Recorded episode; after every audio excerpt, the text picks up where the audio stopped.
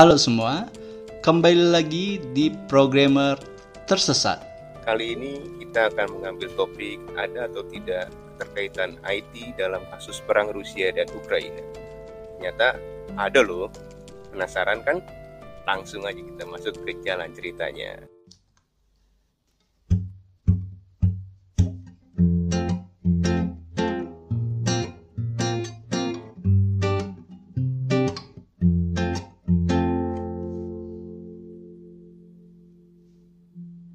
Ada topik menarik untuk konten kali ini yaitu terkait serangan cyber yang ada pada Rusia dan Ukraina.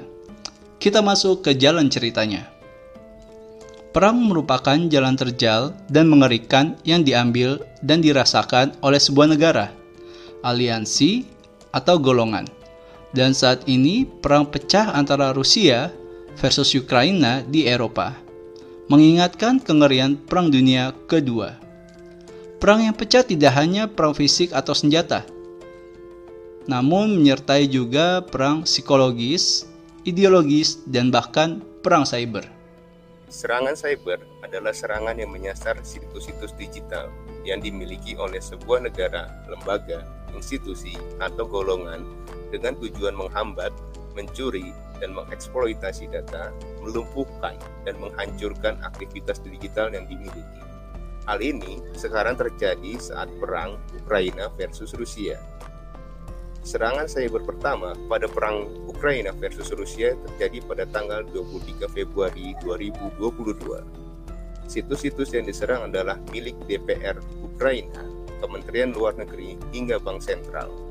Dampak dari serang ini adalah situs-situs menjadi sulit diakses dan kalaupun bisa diakses menjadi sangat lambat. Metode yang digunakan untuk menyerang situs-situs ini terdapat da, dapat diidentifikasikan menggunakan metodologi DDoS atau Distributed Denial of Service menurut Lembaga Keamanan Cyber Ukraina. Lalu, apa sih DDoS itu? DDoS adalah serangan yang dilakukan dengan cara membanjiri lalu lintas jaringan internet pada server atau sistem. Serangan DDoS ini juga pernah menyerang situs KPU Indonesia pada tahun 2014, 2016, dan 2019 saat berlangsung pemilu serentak di Indonesia. Cara menyerangnya dengan menggunakan beberapa komputer host yang kemudian melakukan perbanyakan secara manual ataupun otomatis untuk menyerang target dengan teknik khusus, hingga komputer target tidak bisa diakses bahkan down Serangan ini adalah serangan yang paling populer oleh para hacker. Namun dampaknya bisa sangat berpengaruh. Serangan DDoS masa lainnya di negara kami telah dimulai, kata Menteri Transformasi Digital Ukraina Mikhailo Fedorov. Selain DDoS, ada juga serangan malware yang menyasar kontraktor pemerintah Ukraina di Latvia dan Lithuania, serta lembaga keuangan Ukraina. Serangan malware ini langsung menghapus seluruh isi di dalam komputer yang telah terinfeksi. Baik Latvia maupun Lithuania adalah anggota NATO. Jadi, serangan malware yang terjadi bukan secara acak, namun terarah sesuai target menurut Symantec Threat Intelligence. Keterangan ini diperkuat juga oleh Asset Research Labs pihaknya mendeteksi bahwa tiba-tiba ada malware berbahaya yang menginfeksi ratusan komputer di Ukraina. Kami belum bisa mengetahui apakah malware ini berhasil menghapus isi komputer yang terinfeksi. Dugaan kami, ada sebagian yang terhapus. Beber Kepala Penelitian Aset, Jean Ian Button. Rusia kemungkinan telah merencanakan ini selama berbulan-bulan dan serangan seperti ini saja mereka sudah bisa membahayakan sejumlah infrastruktur penting di Ukraina. Saya yakin mereka masih menyimpan senjata yang lebih berbahaya. Ujar Chester Wisniewski, peneliti dari perusahaan keamanan cyber Sophos. Ia juga mengatakan bahwa jejak waktu pembuatan malware tersebut adalah pada akhir Desember 2021. Inggris dan Amerika Serikat juga mengatakan peretas militer Rusia berada di balik serentetan serangan DDoS pekan lalu. Ini secara singkat membuat situs perbankan dan pemerintah Ukraina offline sebelum invasi Rusia. Rusia sejauh ini tetap membantah tuduhan itu. Tidak tinggal diam, Ukraina pun mendeklarasikan bahwa negaranya juga akan menghalau bahkan menyerang balik serangan-serangan digital yang ditujukan kepadanya. Langkah yang diambil adalah dengan membangun, membangun pasukan IT atau IT Arm. Pernyataan itu disampaikan oleh Wakil Perdana Menteri Ukraina, Mikhailo Fedorov, pada Sabtu 26 Februari 2022 melalui tweet di Twitter yang ditautkan melalui Telegram juga menyisipkan daftar situs-situs populer di Rusia yang diagendakan untuk diretas dan diserang balik. Saluran Telegram mencantumkan situs web 31 bisnis besar Rusia dan organisasi negara termaksud raksasa energi Gazprom produsen minyak terbesar kedua Rusia, Lukoil, tiga bank, dan beberapa situs web pemerintah. Dilaporkan serangan-serangan Ukraina ini juga mendapatkan hasil yang positif. Situs resmi Kremlin, kremlin.ru, dan kantor Presiden Rusia Vladimir Putin diketahui down pada hari Sabtu 26 Februari tahun 2022 dalam serangan DDoS terdistribusi. Kejadian tumbangnya dua situs vital Rusia tersebut membuat komunitas hacker lepas menjadi sangat bersemangat untuk ikut dalam menyerang Rusia. Akun Twitter yang secara historis terkait dengan Anonymous, komunitas aktivis hacker online yang pertama kali menarik perhatian global sekitar satu dekade lalu, juga telah mengumumkan rencana untuk membidik aktivitas online Rusia kebocoran dan peretasan Rusia yang dikaitkan dengan kelompok tersebut telah mulai menyebar di seluruh web. Meski begitu, keaslian klaim tetap sulit ditetapkan. Bukan hal yang aneh bagi para hacker lepas atau yang bermotivasi ideologis untuk terjun ke dalam konflik global di satu sisi atau lainnya. Tindakan serupa terjadi selama pemberontakan musim semi Arab atau yang biasa kita sebut Arab Spring.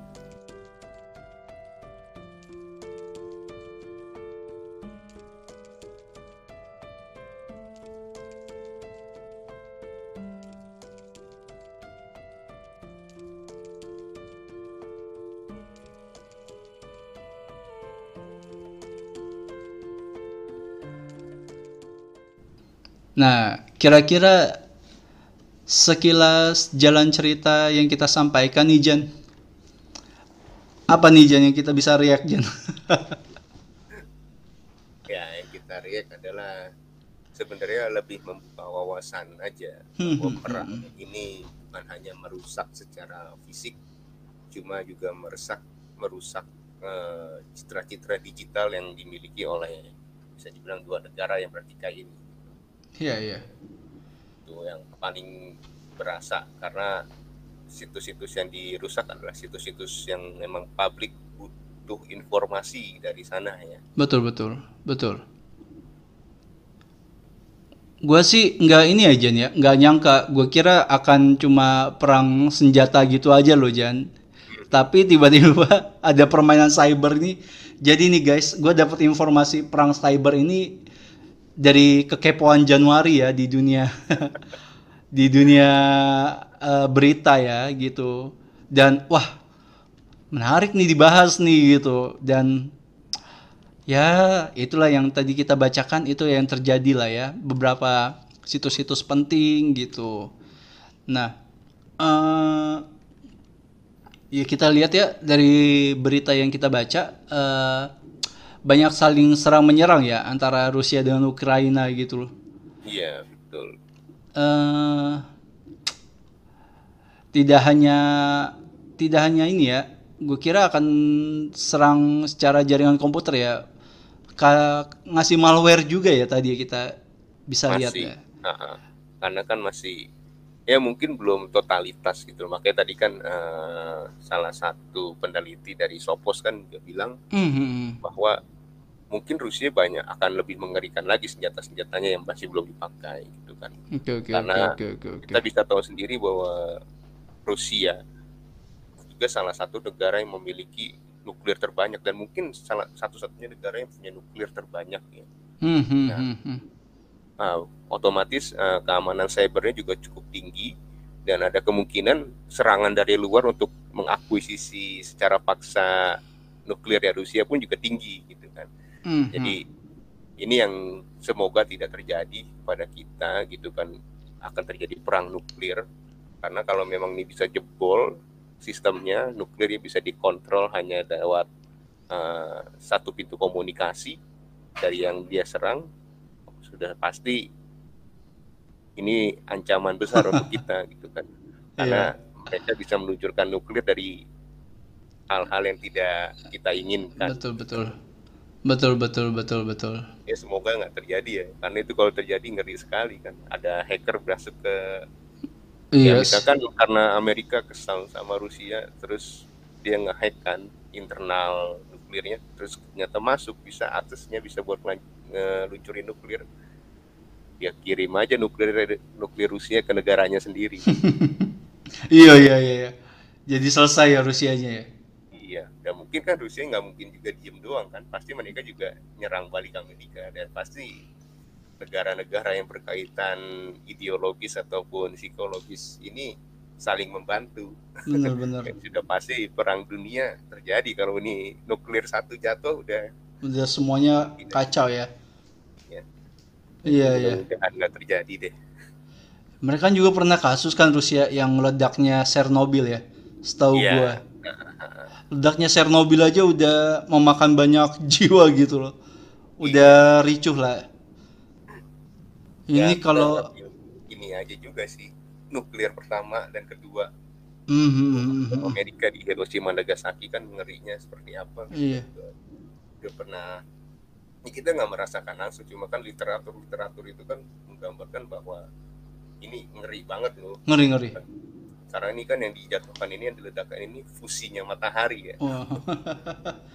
iya pak, iya pak. mengerikan Ya efek nuklir emang belum ada solusi penanganan dari medis secara cepatnya gimana ya? iya radiasi Radiasinya ini yang sangat menakutkan. Ya semoga eh, perang ini bisa cepat selesai ya Jan ya antara Rusia dan Ukraina ya. Kita juga bingung mau komen apa gitu. Paling nanti kita ini Jan eh, ngebahas si DDoS ini apa sih? Mungkin teman-teman boleh boleh eh apa sih ini DDoS nih? Masa bisa sih eh komputer ngancurin komputer lainnya gitu? Tenang guys. kita akan bahas Kita akan bahas kupas tuntas cara silet, silet. kita bahas teknik-tekniknya aja Tekniknya nanti aja. itu ada ininya sendiri lah Iya iya. praktik-praktiknya sendiri Iya kita bahas eh, ya bahas kulitnya ya. Benar benar benar benar benar. kan kita nggak mau masuk penjara Itu kita bisa aja bikin. Tapi masuk penjaranya tidak mau. Tidak. Kita masih ingin hidup menghidup menghirup udara bebas. Gitu ya, guys. Ya, sekian itu aja paling ya Jan ya. Eh, konten serangan cyber Rusia Ukraina ya saya harap teman-teman juga berdoa untuk Rusia Ukraina konfliknya bisa selesai ya ya kita harap ya saya harap juga teman-teman eh, apa ya eh, tidak memihak salah satu kalau bisa memihak pada perdamaiannya maksud saya gitu sih betul lebih bijak dalam Ah, ah, ah, ah, ah. gitu aja. Saya tidak mau berbicara lebih tentang ini. Takut diculik Putin, takut diculik Putin. pakai kuda Culik. Waduh. pakai beruang. Saya tidak mau, saya tidak mau pakai beruangnya Putin lagi. Itu aja. Thank you teman-teman udah mau mendengarkan konten kita kali ini. Semoga bisa bermanfaat bagi teman-teman. Eh, apalagi ya? Oh, ingin mengingatkan juga jangan lupa subscribe channel ini. Kalau kalian merasakan manfaat dari channel ini, jangan lupa like biar ada dinamika di channel ini. Jangan lupa kasih komentar di channel ini biar kita tahu eh, apa ya? Eh kalau Permintaan teman-teman. mau kasih saran, tolong bang mau request materi ini, materi ini gitu. Tapi yang kesanggupan kita ya, jangan di luar kesanggupan kita gitu. Tiba-tiba Jangan kita bahas politik ya. Iya, bahas Pokemon, Digimon gak bisa kita. Wah, Iya, cari channel lain deh. Ke Bang Winda Basudara deh.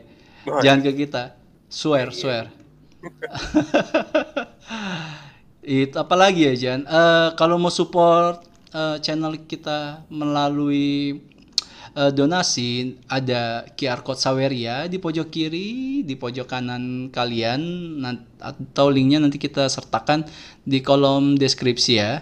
Kemudian kita juga masih ada NFT guys. Tolonglah beli NFT kita, videonya kita sertakan. Kita masih pengen merasakan Ethereum Ethereum lucu, Ethereum lucu ya. Eh seperti itu, itu saja dari kita. Sampai ketemu di konten kita selanjutnya. Bye bye.